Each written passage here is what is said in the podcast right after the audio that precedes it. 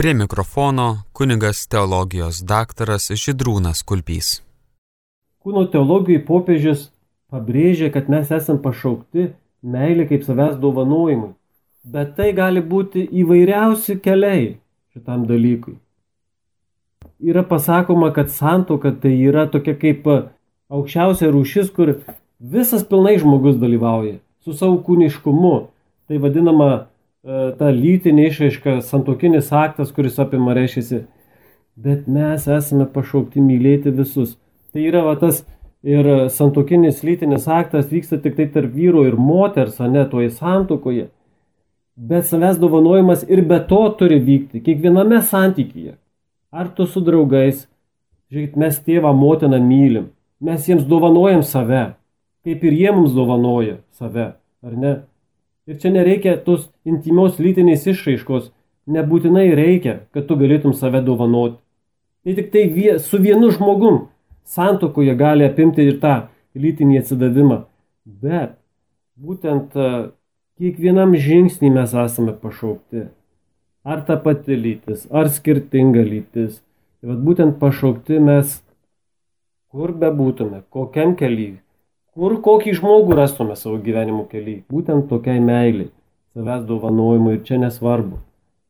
Bet, kaip sako popiežius, pabrėžia jau nuo amžių visas tas mokymas biblinis ir kad būtent jeigu jau lytinę išraišką apima, tai tik tai santokoje tarp vyrų ir moters jau neatšaukiamam tam ryšy. Truputėlį dar vat, pakalbėkime ir po to sustosime ir toliau į kitus klausimus pažiūrėsime. Dabar žvelgsime į būtent į reiškia santoką, kaip būtent tą ypatingą kelią, kaip realizuoti vedybinę kūno prasme, jungtuvinę kūno prasme. Nu, Jonas Paulius II rašo, žmogaus asmo turi įgimtą ir struktūrinį visuomeninį matmenį, nes pačioje gelmėje yra pašauktas bendrai su kitais gyventi ir save kitiems dovanoti. Ir taip pat nurodo, kad būtent kur realizuojamas šis žmogaus pašaukimas bendrystė. Štai kai jis sako apie tą santuoką. Pamatinį ir pirmą pradį asmens visuomeninio matmens apraiška yra santuoka ir šeima. Pamatinė ir pirmą pradį apraiška yra būtent santuoka ir šeima. Vedybiniai kūno prasmė, tapimas meilės dovana kitam, ypatingų būdų įsiskleidžia monogaminėje santuokoje. Kas tai yra monogaminė? Vienas vyras, viena moteris. Monogaminė santuoka. Tik neatšaukiama santuoka sudaro tinkamas sąlygas reikštis autentiškai dovanojimai meiliai, kurios raiška apima tapimą vienu kūnu. Tik neatšaukiama santuoka, ne kitos formos. Vieno kūno santokinį sandorą apima visišką savęs dovanojimą su toktiniui ir kito besąlyginį priimimą kaip dovanos. Žmogus savo vedybinės prigimties yra kreipiamas į santuoką į ryšį, kuris pasižymi išbaigtumu ir išskirtinumu. Vyro ir moters santuoka atitinka vienatinių dievų paveikslą, nes ji remiasi vienatinė ir galutinė meilė. Toks santokinis vyro ir moters ryšys tampa Dievo santykių su žmogumi paveikslu, sakramentu. Santokos dėka sutoktiniai atiduoda save vienas kitam meilėje, visiškai ir be jokių išlygų laimėje ir varge, visam gyvenimui. Du asmenys tampa vienu kūnu, dvasiškai sujungdami save ir savo gyvenimus.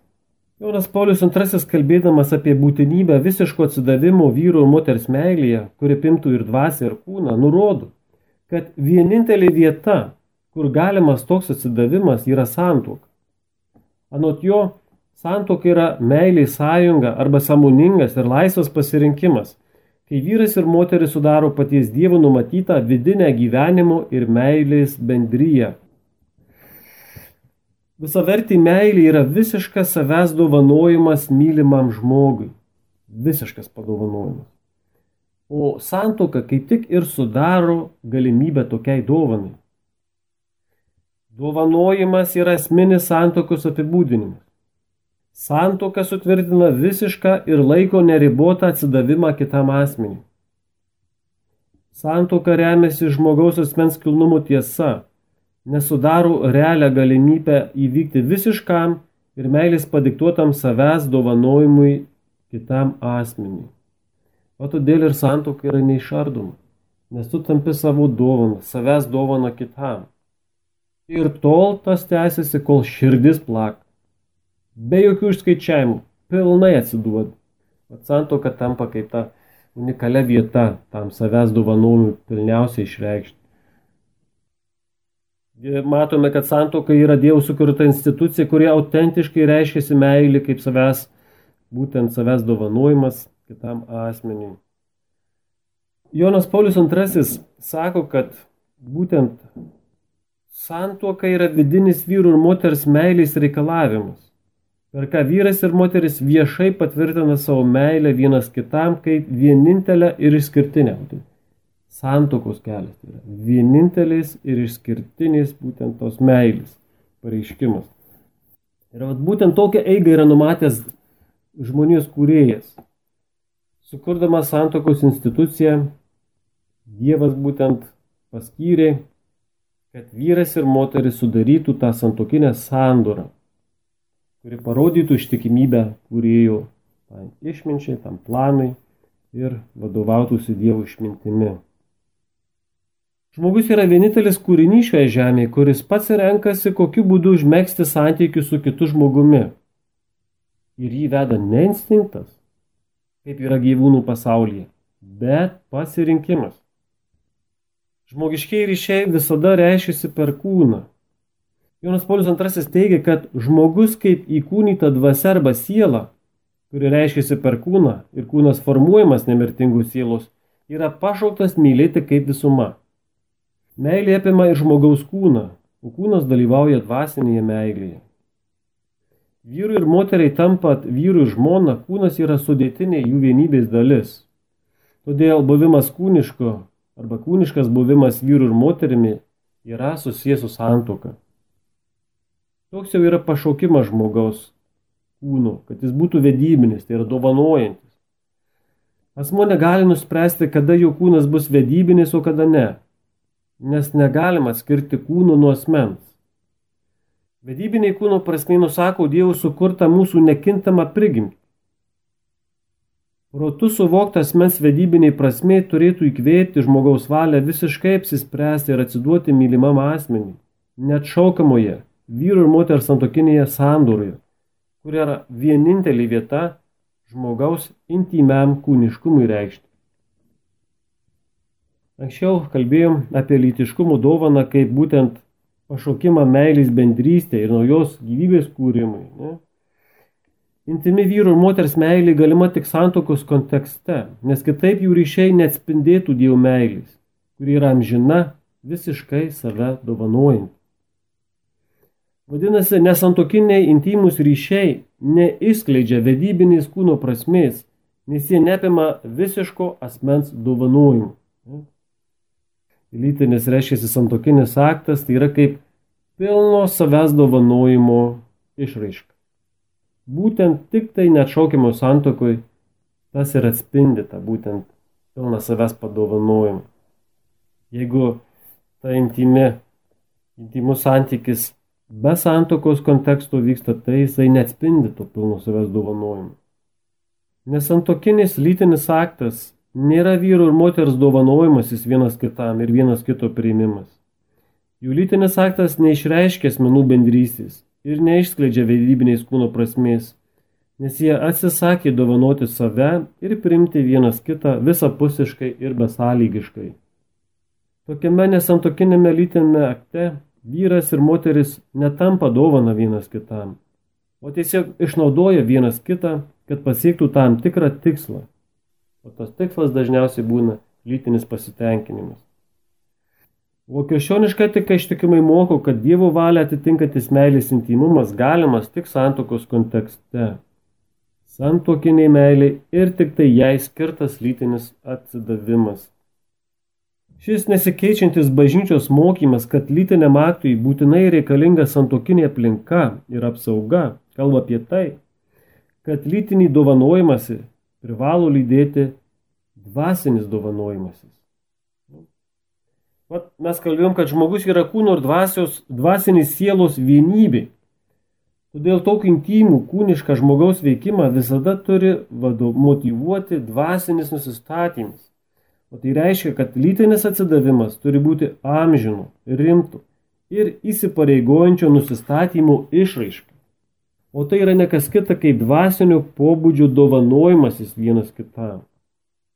Lytinė sueitis orientuota į gyvybės perdavimą yra fizinio lygmenio didžiausia santokinių meilės bendrysės išraiška. Ištraukta iš abipusių savęs dovanojimų, tikrovės, kuria krikščionis gyvena palaikomas bei praturtintas ypatingus Dievo malonės, ji praranda savo reikšmę, atidengia individuo egoizmą ir yra moralinė netvarka. Tad galima tvirtinti, kad tik nešardomoje santukoje yra įskleidžiama kūno vedybiniai prasmei. Nesutoktiniai tarsi liūdė vienas kitam. Aš visiškai tau save atiduodu. Viską, kas aš esu ir besąlygiškai. Nuoširdžiai, laisvai ir amžinai. Aš taip pat priimu tavo man duotą dovaną. Aš laiminu tave. Patvirtinu tave. Besąlygiškai visą koks tu esi ir amžinai. Jei lytinis aktas to neliūdyja, jis netitinka vedybinės kūno prasmės, jis nėra meilės išraiška, tik pigi klastoti. Tai nesiderina su asmens orumu ir niekada nepatenkins širdies lūkesčių. Todėl santoka yra tikrasis meilės realizacijos kelias, nes joje glūdi tam tikra pilnatvė, kurioje yra visi asmens elementai kūno impulsai ir instinktai, jausmų jėga ir prisirišimas, valios ir dvasiniai polinkiai. Tai apibendrina Jonas Paulius II. Jonas Paulius II rašo, kad santokinis gyvenimas yra dovana ir santokiniai vienybė gali būti aiškinama tik atsižvelgiant į esmens ir dovanos vertybės. Santuoka ir iš jos gimusi šeima yra ta bendruomeninė terpė, kurioje žmogus gali egzistuoti dėl savęs paties, nesavanaudiškai save atiduodamas. Paulius VI popiežius rašo, dėl santokos ar ne, čia kalbama apie pilnutinę meilę, apie tą ypatingą asmeninę draugystę, kurioje vyras ir žmona kilne dvasiškai visą kuo dalyjasi, nesinaudoja neteisėtomis išimtimis ir neieško gerovės vien tik savo.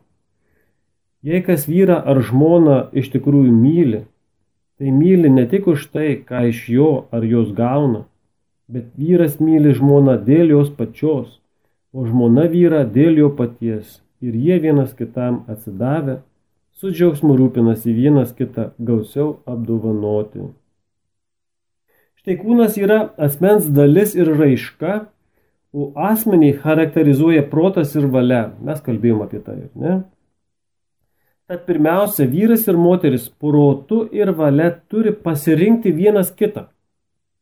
Ir tik po to šis pasirinkimas gali būti intimiai kūniškai išreikštas. Kas sukuria santoką? Tai yra santokiniai priesaikai. Ne? O priesaikai yra proto ir valios apsisprendimas už konkretų žmogų. Ne kaip priesaikui, reiškia, jis sako, aš Jonas imu tave unut konkrečiai. Meilė, o ne kūniškas ryšys yra santokos pagrindas. Meilė yra visą gyvenimą trunkantis pasirinkimas ir įsipareigojimas. Jonas Paulius II laiške šeimoms rašo, kad pradžios knyga kalbėdama apie vyrą, kuris palieka tėvą ir motiną ir glaudžiasi prie savo žmonos, rodo samoningą ir laisvą pasirinkimą, kuris duoda pradžią santoką. Vėl ir vėl pabrėžiu kad nejausmingumas turi mus kažkaip ar nerišti su kitum, bet pirmiausia, kas išreiškia tikrą žmogiškumą - protas ir valia. Mes turime pasirinkti tą žmogų, užtvirtinti tą pasirinkimą. Tas mūsų pasirinkimas turi būti protingas ir laisvas. Jei žmogus dar neapsisprendė ir galutinai nepasirinko kito žmogaus asmenų bendrystį sudaryti, tada jis arba ji negali kūniškai išreikšti meilės, nes tam žmogus įgauna teisę tik valingai ir nešaukiamai apsisprendęs už kitos lyties asmenį. Aš kalbėjau su vienu vaikinu, tas jau gyvena kokius gal šešis metus susidėjęs. Vat, ir, ir sakau, kodėl nesusituokė su tuo žmogum. Tai sako, aš dar renkuosi. Aš dar renkuosi. Šešis metus renkasi. Tai sakau, nejaugi tu nemyli tos moters. Jau vaiką užgyvenė. Dar renkasi. Dar renkasi. O todėl ir popiežius pabrėžia, kad turime prieš tai apsispręsti ir tik po to galima tas intimumas. Tai kodėl galima suprasti, kad vyru ir moters lytiniai santykiai iki santokos yra bandymas kūnais išreikšti vienybę, kuri dar realiai neegzistuoja. Tik santoka sukuria tokią asmenų vienybę. Santoka yra viešas dalykas ir gėris. Todėl ir neatšaukiamas savęs dovanojimas turi būti atliktas viešai. Net priesaika prie kokio tenai klevų neužsiskaito. Reikia ateiti į bažnyčią tarp žmonių prie Dievo ir šitą pasirinkimą pareikšti viešai. O jeigu nebus viešos priesaikos, bus rizika, kad žmogus nėra rimtai nusiteikęs. Taip to reikalauja meilės ir asmenų bendrysės prigimtis. Krikščioniai išvesdami santokos sakramentą yra suvienijami Kristui. Kristus juos pašventina, sujungia jų meilę, abipusį savęs dovanojimą ir savyje juos suvienyje. Taigi santoka yra vienintelė terpė, kurioje gali reikštis vyru ir moters tapimas vienu kūnu o nesantokinis lytinis aktas yra sakramentinis vienybės ir Dievo duoto pašaukimo sudaryti šeimininę asmenų bendrystę pažeidimas. Dar yra toksai gražus palyginimas, štai lytinis aktas turi būti santokinį priesaiką, sakoma vienas kitam kūno kalba. Ne, gražus įsireiškimas. Kaip tu pasakėjai priesaiką bažnyčioj, tai tą kart atkartoji O tas lytinis aktas yra atkartojimas santokiniais priesaikos, tik ne žodžiais, bet kūno kalba. Santokiniais priesaikos žodžiai apie abipusę meilę, kuri yra laisva, visiškai ištikima ir vaisinga, yra išskleidžiami santokinių lytinėje vienybėje. Taigi matome, kad tas pašaukimas meiliai, vat vedybiniai kūnų meiliai, tam savęs dovanojimui, turi labai aišku, konkretų kelią - santuoką, apsisprendimas, pasirinkimas vienas kito. Ir tada išreiškime pilnai. Pirmiausia, dvasinis apsisprendimas ir realizuojamas ir kūniškas. Vienybei, va dvasiniai užsimesgusi, realizuojama santokoje. Tik tai prieš to dvasinio pasirinkimo, po dvasinio pasirinkimo. Tai ką, dabar šiek tiek pakalbėję, mes gal sustokime ties klausimais, kad būtų aktualiau mums kalbėti apie tai. Tai ir dabar galite dar papildomai rašyti klausimų, o aš einu į šitą skyrių ir žiūrim. Kaip tada daryti tiems, kurie yra vieniši? Ar lytiškumo gniaužimas yra normalus žmogaus psichikai? Gniaužimas negerai, ar ne? Ir mes išsiaiškinom, kad lytiškumas tai yra pašaukimas santykiui. Ne? Tai va, žmogus privalo, privalo būti normaliuose santykiuose, užmėgti santykius. Va, ir tai bus jo jau lytiškumo išpildymas. O jeigu čia galim, turime omeny kažkas tai apie lytiškumo, tada kūnišką intimų išreiškimą, tai tik tai santokos kelias. Tik tai santokoje tie dalykai įmanomi. Va, O, o visa kita tai būtent mes esame pašaukti santykiai. Ir kai žmogus yra bendrystėje, draugystėje, tai jisai išpildo savo lytiškumą. Taip yra santoka yra pašaukimas iš tikrųjų toksai jau dominuojantis pašaukimas. Kad mes vat, susirastume tinkamą žmogų, kuriam galima būti pilnai atsiduoti. Va, tai yra toksai kelias, Bet, e, bet žinokit, e, jeigu taip ir dėl kažkokių priežasčių, nežinia kokios priežastys, kad žmogus neranda tinkamų žmogaus tai santokiniai bendrystiai. Tai nereiškia, kad, kad žmogus kažkoks tai e, suluošintas tampa, ne jis pašauktas įgyvendinti tą savo lytiškumą būtent toje bendrystėje. Skaistumas. Mes kalbėsime plačiau labai. Mes turime būti skaistus, va, reiškia, nežiūrint, kokiam kelyje esame. Santokinis skaistumas. Yra vienų žmonių skaistumas. Va, kunigiškas skaitumas. Tai reiškia, va, būtent gyventi pagal tuos, va, reiškia, integruoti savo lytinius impulsus, ar ne, kaip sakyti, ten, kur tu esi. Jeigu santokui, tai vieni reikalavimai, bet mes esame pašaukti gyventi pagal šventąją dvasę, tame skaistume. Ir būtent jeigu nėra galimybės santokai, tai būtent per tą, na tiesiog draugystę. Ir žodžiu, kaip kalbėjom šiandien, kad mes esame pašaukti santykių, mūsų lytiškumas yra kvietimas santykių. Mūsų išpildo labiausiai meilį. Mūsų prasme, mūsų gyvenimui duoda meilį. Jeigu žmogus myli, jis nėra kažkoks tai pažeistas, jam kažko nors trūksta, tikrai ne. O mylėti kiekvienas žmogus gali. Santokoje meiliai yra ta pati meilė, kuri tik tai apima tą intimumą lytinį, va, kūnišką. Bet mes turime mylėti kasdieniniam tam gyvenime. Ir jeigu mes mylime, ne, o kas meilė tai yra dėl kito gyventi praturtinti kito gyvenimą. Reiškia, mes išpildom savo pašaukimą. Ir e, nereikia, tiesiog reikia žiūrėti būtent e, panašiai ir nelaikyti savęs auka, jeigu nėra ten kažkokios tai galimybės santokai, bet drąsiai eiti ir mylėti. Ir mes būsim pilnai žmonės. Lytiškumas, e, lytiškumas tai jisai susijęs labai ir su gyvybės perdavimu, ar ne?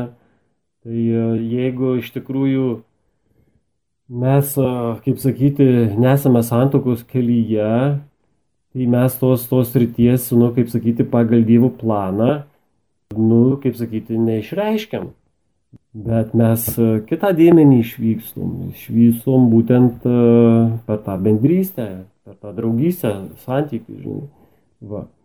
Tai toks yra Dievo kelias, taip reiškia lytiškumas ir, ir tada ilsisi, kaip sakyti, mūsų tas e, intimi raiška yra atidedama iki santokos, o jeigu, kaip sakyti, nėra tos santokos, jeigu toks, tokia Dievo valia, toks pašaukimas ar ne, mes gražiai mylime ir nieko mums netrūksta. Paprasčiausiai be lytinio to išpildymo, to, kaip sakyti, ne tai, kad išpildymo, bet raiškos intimios tos lytinės, lytinio santykių. Gyvūnas neturi sielos. Kaip pavadinti tai, ką daro Kas daro gyvūną gyvą? Žmogus turi dvasinę sielą, gyvūnas to neturi. Dievas sukuria gyvybę, ar ne, aš ten taip tiksliai nepasakysiu, bet e, mūsų skirtumas nuo gyvūnų tai, kad mes bendraujame su Dievu. Mūsų gebėjimas dialoguoti su Dievu, tai yra, kad mūsų dvasinį sielą yra, ne, kažkas yra kalba, kad reiškia siela turi gyvūnai, bet jeigu galima taip sakyti, tai reikia išskirti e, būtent apie žmogų kalbant, kad turi dvasinę sielą. Dvasinė siela žmogus, kurios neturi gyvūnai, tai yra būtent panašumas į Dievą. Gal galima truputį išsameu apie skirtumą duoti ir priimti, bet neduoti ir gauti duoti ir priimti. Tu save dovanoji, ne, vat kaip e, santokos priesaikoje, nu ypatingai tas, vat, kad tu save padovanoji ir tuo pačiu esi pašauktas priimti. O ką reiškia gauti ar ne? Gauti tai reiškia, kad tu kažkaip nusipelnai. Tu turi gauti, ar ne? Kaip sakyti, tau skolingas kažkas. Ne? Ir tu turi jau teisę gauti. Taip nėra. Niekas mums nieko neskolingas, meilė yra laisva. Mes meilę duodame laisvai, be jokių įsipareigojimų, kaip sakyti, kitai pusiai. Ir mes tik tai galime priimti tą meilę, negauti, ne kažko tikėtis, ar ne, be jokių, kaip sakyti, skolos šešėlių. Mes priimame irgi. Priimame kaip laisvą dovaną iš kito. Jeigu žmogus norės mums save padovanoti. Mes negalim išprivartauti meilės. Kaip tada, jeigu du asmenys dvasiškai pasirenka vienas kitą, santykiauja po santokos ir supranta, kad yra lytiškai, kūniškai nesuderinami.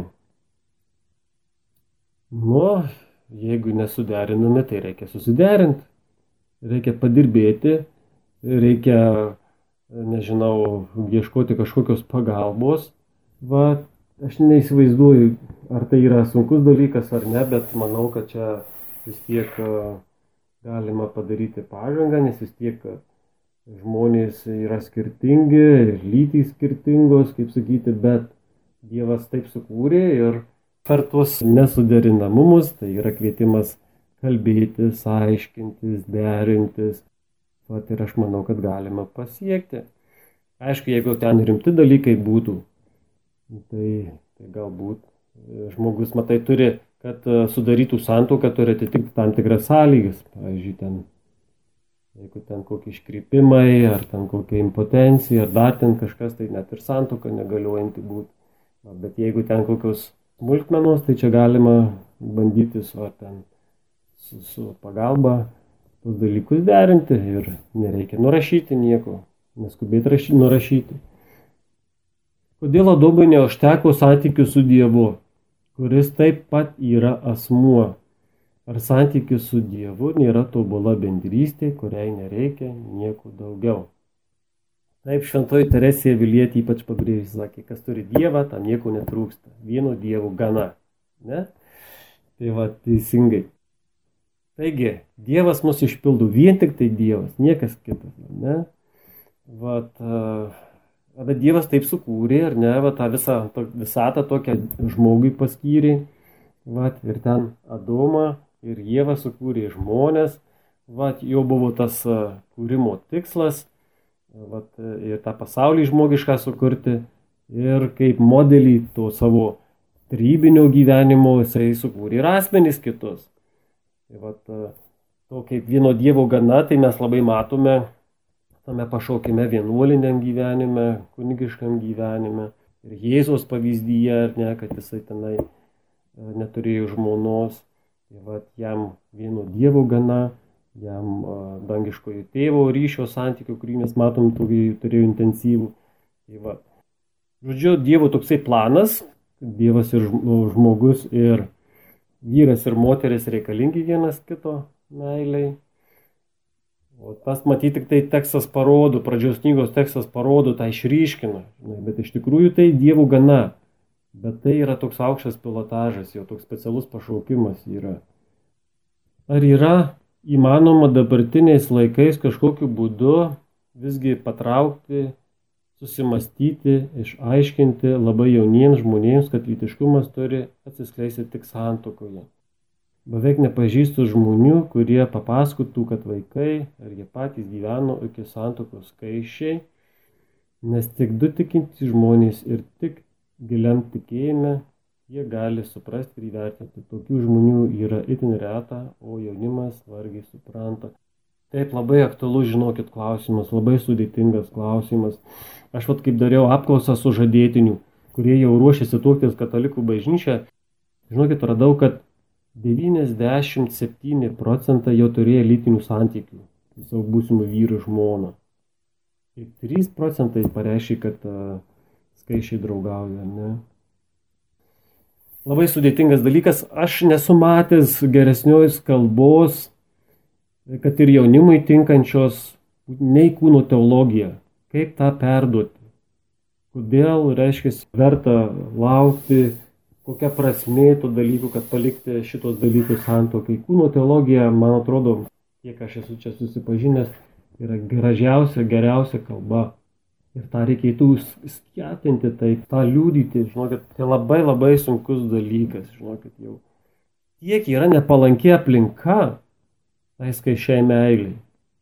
Visur, kur tik pažiūrėsi, visur yra tas seksualinis užkrovimas Ir žinai, ir tikrai jaunimas, jaunimas labai anksti įsitraukia šitos dalykus ir, ir labai čia yra didelė problema.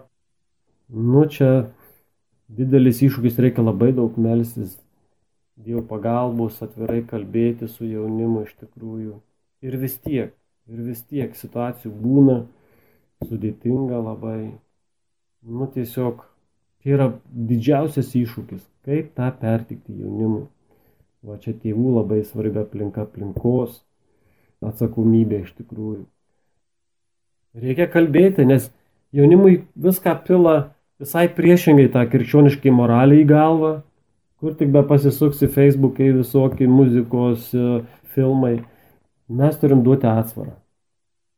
Kažkaip, reiškia, ta visa mūsų bažnytiniai bendruomeniai, darbas su šeimom, su jaunimu pastoracijos, viskas būtent tą priešingą, kitą kitokia, reiškia, vat, kaip Kaune ten būdavo tos dienos Valentinų diena kitaip, tai vat, kažką tokį ansvūrį, kažką kitą atsvarą duoti, reiškia, būtent tą Kristaus šviesą nešti ir kaip tą padaryti, kiekvienas nuo mūsų turim galvoti, kaip tą galime padaryti primtiniau. Kaip žinoti, kad kitas žmogus yra skirtas tau? Hmm? Amžinas klausimas, atsako Biblija. Žmona turi būti dorybinga, Vienas pamokslininkas sakė, nesvarbu kaip bjauriai atrodo, svarbu, kad būtų dorybinga. Dorybės, dorybės. O, o reiškia, tai žinot, ir psichologija, ir visi kiti dalykai rodo, kokias suderinamumas turi būti, ar ne. Na, tai kiek aš atsimenu dabar ant greičių galima būtų pasakyti, kad viena iš tokių sąlygų, kad, nu, jie būtų panašus. Žmonės turi būti panašus keliose srityse. Pirmas numeris tai yra vertybės. Jeigu būsimi sutoktiniai turi panašias vertybės, nuostabu. Nuostabu. Vertybės, kas yra vertybės, tai yra, ką žmogus laiko svarbiu savo gyvenime.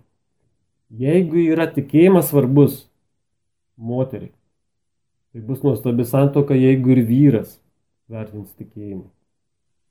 Jeigu išsiskirs vertybės, šakės, sakoma, kad jeigu skir vertybiniai skirtumai yra neišsprendžiami, niekas nepaleis. Jeigu tau svarbu tas, o kita pusė kitas ir jie radikaliai skiriasi, viskas karas garantuotas. Va, tai pasižiūrėti, ar vertybės panašios. Pomėgiai, sakoma, labai yra svarbu, kad būtų panašus. Jeigu jau nelabai panašus, tai bent jau žmogus žinotų ir, ir, ir paklausų savęs, ar su tokiais skirtingais pomėgiais jie galės išgyventi. Pavyzdžiui, viena žmona skundžiasi, reiškia, kad e, vyras labai daug laiko praleidžia medžioklį. Ką reiškia pomėgių išsiskyrimas? Tai reiškia, kad jisai daugiausia laiko ir daugiausiai savo pinigų skirs savo pomėgiui, tam, kam jisai mėgsta. Ir jeigu labai radikaliai skiriasi, tai užknis kitą pusę. Tas dalykas labai užknis.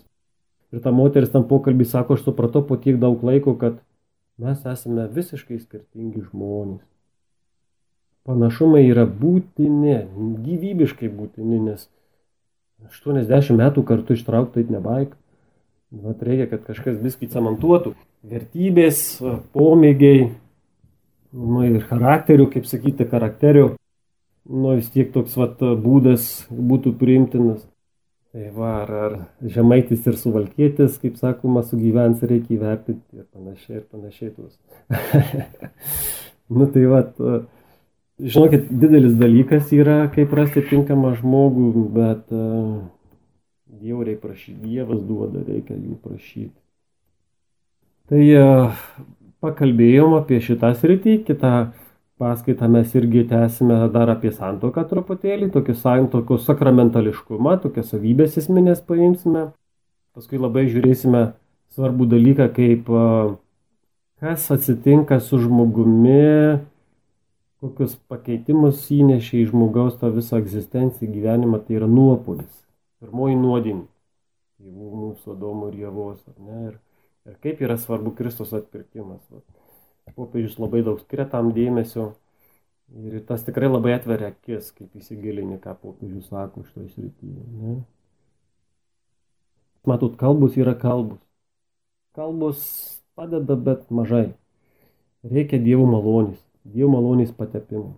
Atsimenu, mes su tokiu kunigu kalbėdavom dar čia daug metų atgal man būdavo įstringa, kad jisai sako, žinai, žiūriu į tą šeimą, sako, aš tik vieną dalyką galiu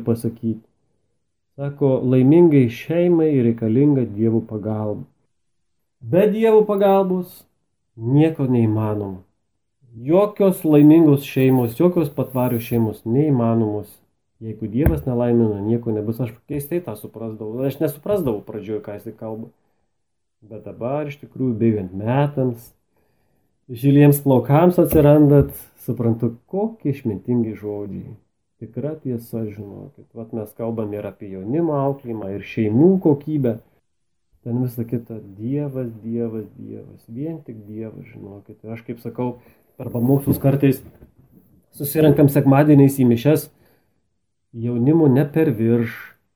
Tai tada darom ir išvadą, reiškia, nu kaip dabar jaunimas gali nesiskirti. Kaip jie gali gražiai, kokybiškai sugyventi šeimoje, jeigu juos nėra čia, nėra pas Dievą neteina jie. Iš kur jie gaus stiprybę? Visus tuos sunkumus iššūkius atlaikyti.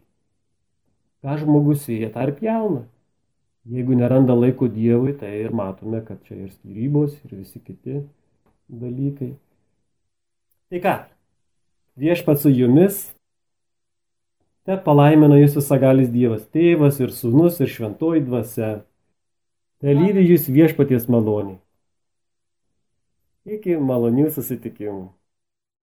Mėly Marijos radio klausytojai, prie mikrofono su jumis savo mintimis dalinosi Liudvinavo Šventojo Liudviko parapijos klebonas, kunigas teologijos daktaras Židrūnas Kulpys. Įrašas iš konferencijos Kūno teologijos tema ciklo. Tesinio kviečiame klausytis kitą savaitę tuo pačiu metu. Likite su Marijos radiju.